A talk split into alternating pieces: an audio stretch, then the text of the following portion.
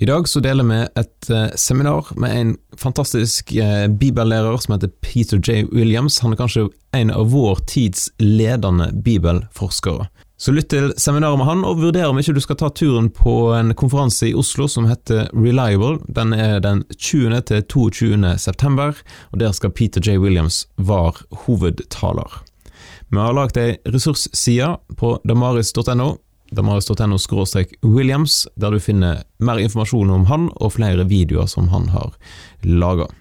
Dette seminaret er gjengitt med tillatelse fra ELF og Focal Online, og vi anbefaler selvfølgelig at du sjekker ut YouTube-kanalen som de har. Du finner en lenke i podkastbeskrivelsen.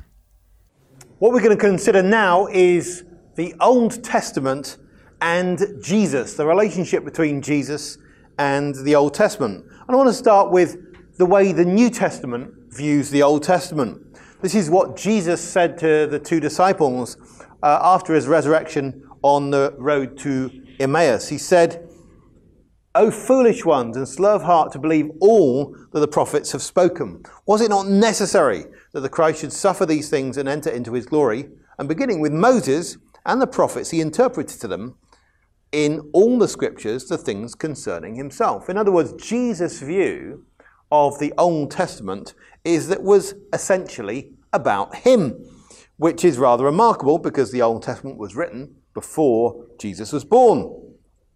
But I want to try and explore this subject in the way the New Testament handles it. And I want us to begin with uh, Matthew's Gospel, because when Matthew begins, it begins with a series of quotations. There are 10 or possibly 11 of these fulfillment formulae in Matthew, and there's a whole series of them uh, as the Gospel opens. For instance, it will quote Isaiah chapter 7, 14, um, that a virgin will conceive, and says, This is what happened. The narrative about Jesus happened so that it might be fulfilled. That's the key word that occurs there. Or uh, uh, Jesus is taken by Joseph down to Egypt and brought up again. And then uh, uh, Matthew comments that this is to fulfill the scripture that says, out of Egypt I've called my son, quoting Hosea 11.1, which is where God says, I brought Israel out of Egypt. Again, it fulfills it. And then uh, Herod goes and destroys all of the children uh, nearby Jerus- uh, by Bethlehem. And it says this was to fulfill, again, uh, what was written um, in the prophet about Rachel weeping, a voice heard in Ramah, straight from Jeremiah.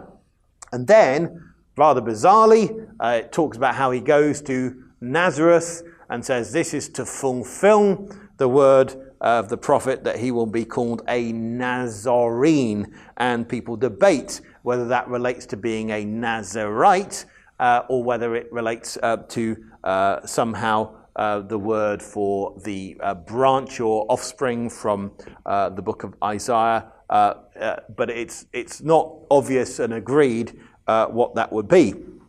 And then a couple of chapters later, uh, the particular location in which uh, Jesus ministers is in order f- to fulfill what was written about in Isaiah the prophet. So, what we see is fulfill, fulfill, fulfill.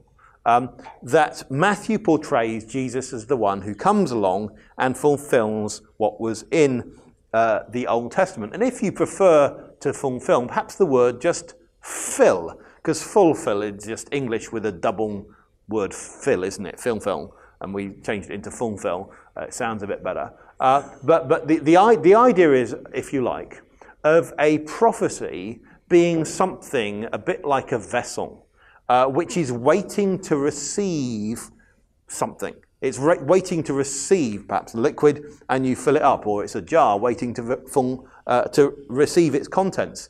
The, the, the prophecy says, I'm incomplete. Just like that empty vessel says it wants something to come along and make it uh, fulfill its purposes. I've just used that word again. Um, also in Matthew, we get a lot of this is that language. So, for instance, when uh, Herod um, uh, calls uh, his experts and asks, asks them where the Christ will be born, then um, they tell him it's going to be in Bethlehem, that's the birthplace of the king, quoting from Micah. Or we find that it will say uh, that when John the Baptist comes along, it's uh, really uh, the voice of, uh, mentioned in Isaiah 40, verse 3, the voice in the wilderness. This is that. Another thing we get in Matthew is what we could call deja vu. That's the uh, English expression uh, for something you've seen before. Um, I think it's been borrowed by the French as well, and they use that. Uh, uh and um, what we find is that when you come across Jesus, you actually think, I've seen this somewhere before. So you, the opening of um, Matthew is with a genealogy. And you remember that the genealogy is divided into th- to three sections and uh, it begins in verse 1 saying that Jesus is the son of uh, David, the son of Abraham. Now, David, in numerical terms, to someone who knows Hebrew, if you spell it D W D, D is the fourth letter of the alphabet, W is the sixth letter, it adds up to 14. And of course, David was the king, and this is all about Jesus the king. So there's a similarity um, there, and when the uh, wise men, the Magi, come looking. They're looking for a king born in Bethlehem. Oh, I know of a king before who was born in Bethlehem. It's David. So it looks like it's presenting uh, Jesus rather like David. But then you find in chapter 2 that um, there is this narrative of uh, Jesus being uh, kept safe.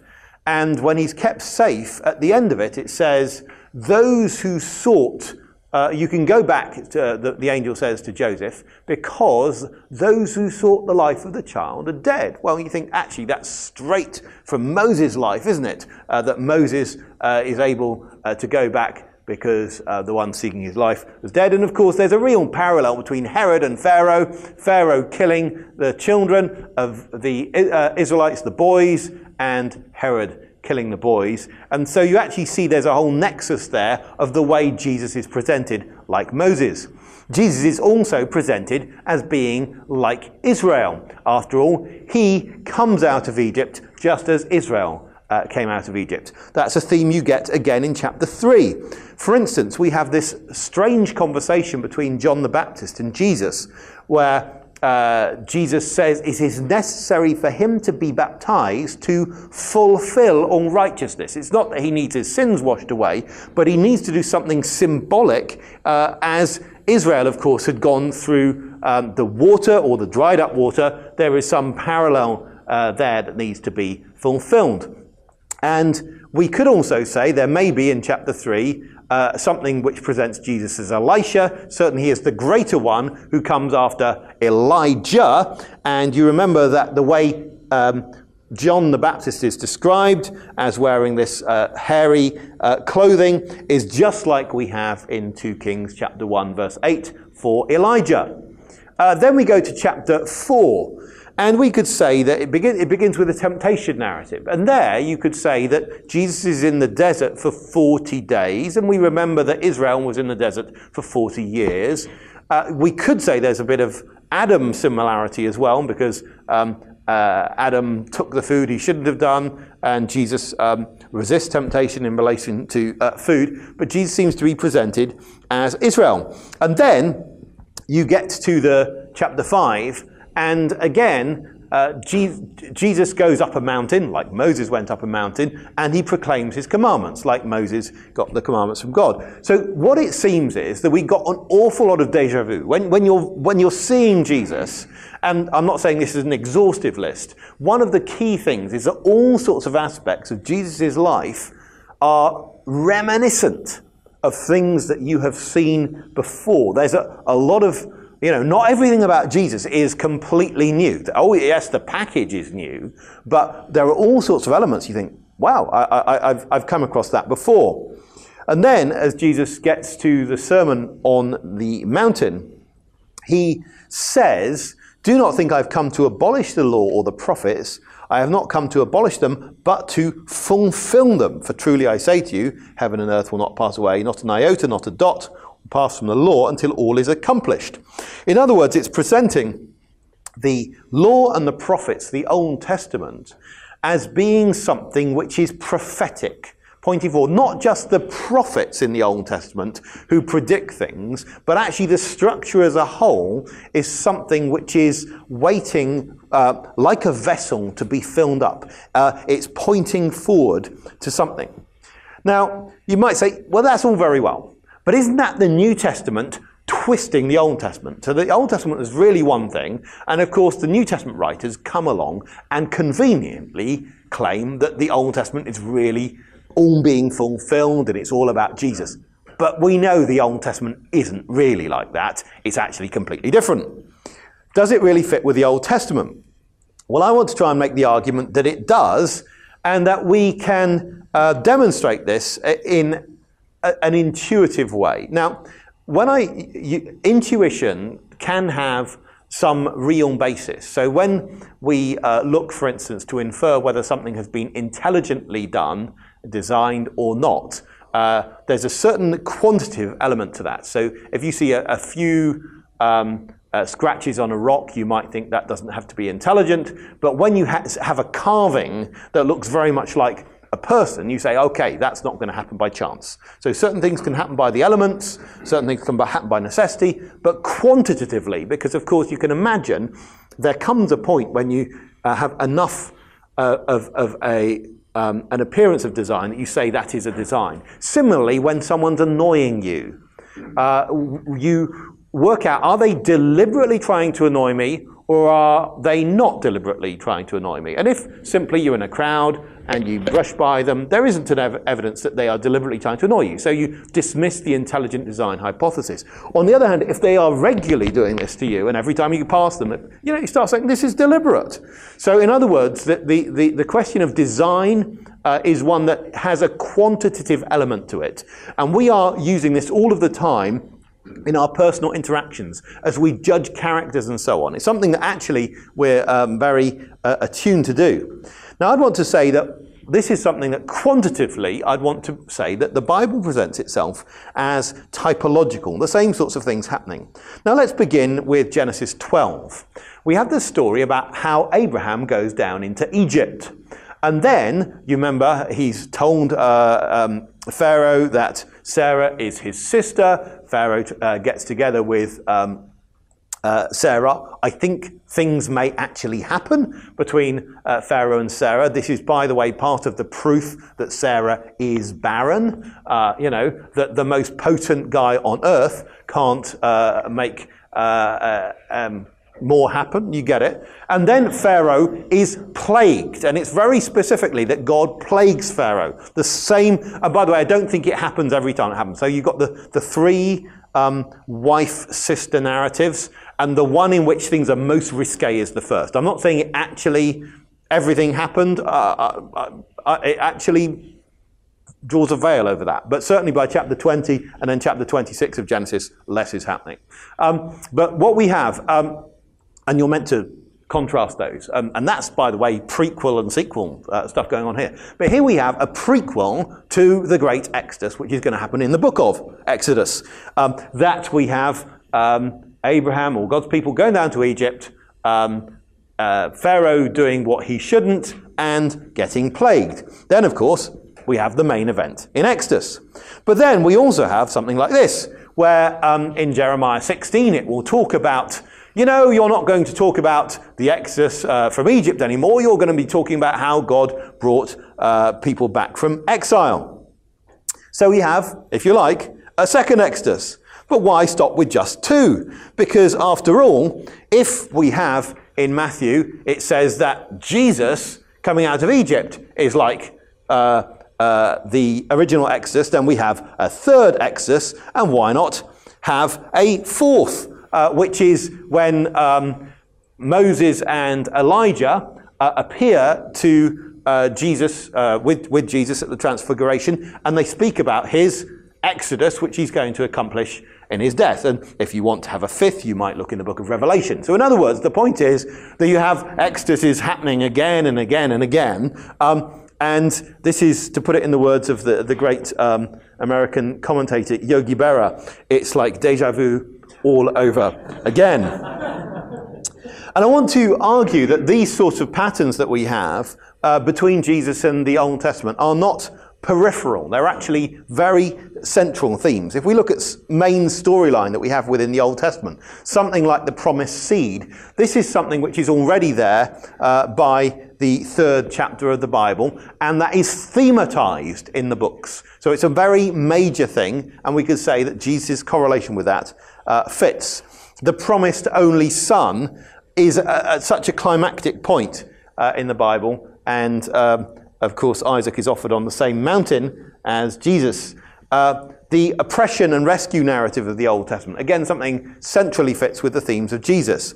The separation from God, which is a theme in the Bible from Genesis 3 onwards as people sin, and then God makes his presence known uh, in the um, tabernacle, where he is specially there in the Holy of Holies in the Bible. These are big themes that take up lots of chapters and are things that correlate very much with uh, Jesus' own life, presentation in Matthew as being God with us. Whether it's priests, judges, kings, and prophets, take up vast numbers of chapters, they all are things that fit with Jesus. Now, what I want to say is that they also uh, correlate when we look at um, the, the categories that the Jesus story in the New Testament seems to fit with. Um, they are all very central to the Bible. So the category of sin, which is very important uh, in the New Testament narrative, is there, which is already there by the third chapter of the Bible.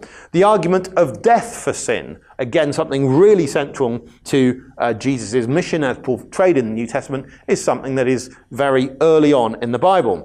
The idea of sacrifice, already there at least by chapter 4.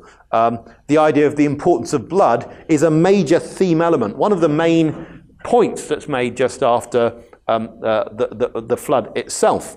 Um, Jesus conveniently died at Passover time, uh, which, if it was just a coincidence, was the best time of the year to fulfill so much symbolism because it was the time of the Jews celebrated their greatest deliverance, the central part, therefore, of the book. So, what I'm saying is the way that Jesus correlates with the Old Testament is not peripheral, it's not odd phrases taken from here and there. It's actually the very central themes that we have of Jesus' life fit with the very central themes we have in the Old Testament. But we also have biographical correlations. I want to have a look at a couple of those. One is the figure of Samson. How does the figure of Samson fit with Jesus? Well, you remember Samson was quite a lad. And um, one of the things we're told is that the Nazarite, and Samson's supposed to be a Nazarite, is not meant to touch the, uh, uh, dead things, not to touch the fruit of the vine. So the very first scene we have with Samson is he is going through a vineyard and he sees a lion, he kills it, therefore the lion is dead. He then gets food from its body a little bit later, touching dead bodies. He gets the fresh jawbone of an ass from the donkey, a fresh jawbone showing it is um, again, unclean. He is going to feasts, implying wine. He loves a woman from the valley of Sorek, which is a type of grape, whose name is Delilah, hanging down. Everything about this um, man is breaking the law again and again. And you say, well, he really seems to get away with it. No. Watch this, because what happens in the Samson story is that you have to watch Samson's eyes. You see, he went down to Timnah and he saw one of the daughters of the Philistines. He said to his father, Get her for me, she's right in my eyes. Or again, he saw a prostitute. Well, what happens to Samson's eyes? Of course, they get gouged out. So it's not that you can get away with sinning like this and nothing will happen. So, how on earth can that figure be a picture of Christ? Well, there are many similarities between Samson's biography and Christ. The angelic announcement of birth, that he's a savior, the Spirit of God comes on him. He achieves his greatest salvation by dying, and his position at death, of course, like this, by the way, um, calling out for uh, vengeance. He thirsts, a very uh, significant part of the narrative. He's betrayed for money. All sorts of similarities. But what we could say is there are also these contrasts. One deliberately saves. Christ deliberately saves. Uh, Samson accidentally saves. He's actually trying to kill as many people as he can to get revenge. He happens to save Israel doing that. It says in Isaiah that uh, the true Messiah will not judge by what his eyes uh, uh see, whereas Samson follows his eyes. He dies calling for people to be, Christ dies calling for people to be forgiven. Um, Samson, of course, dies crying for revenge. Um, he, uh, Christ brought the most life through his death. Uh, Samson brought the most death through his death. One was obedient to God, one was disobedient, one was self sacrificing, and there's only one thing that motivates Samson, and that is absolute self interest. It's a whole thing about how revenge goes from one level to another. So, what I want to say is yes, it's a beautiful picture of Christ by contrast. So, you have all sorts of things where it aligns and, yes, points to Christ, and then we have the things that are absolutely flipped.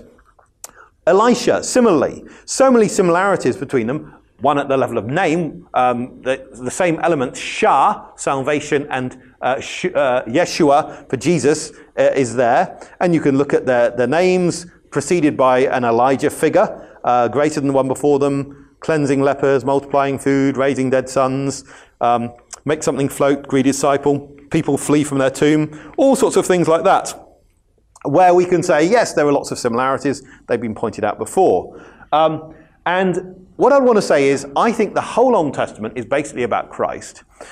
And the way we're meant to look at it is like this. Uh, people asked uh, earlier about um, Jesus' repeated teaching. The one thing that he says five times, five different passages, um, are the one who has, more will be given, and he will have in abundance from the one who does not have, even what he has will be taken away. Now, two of these texts are different because they're in parables about money, but three of them are very clearly about this how you hear.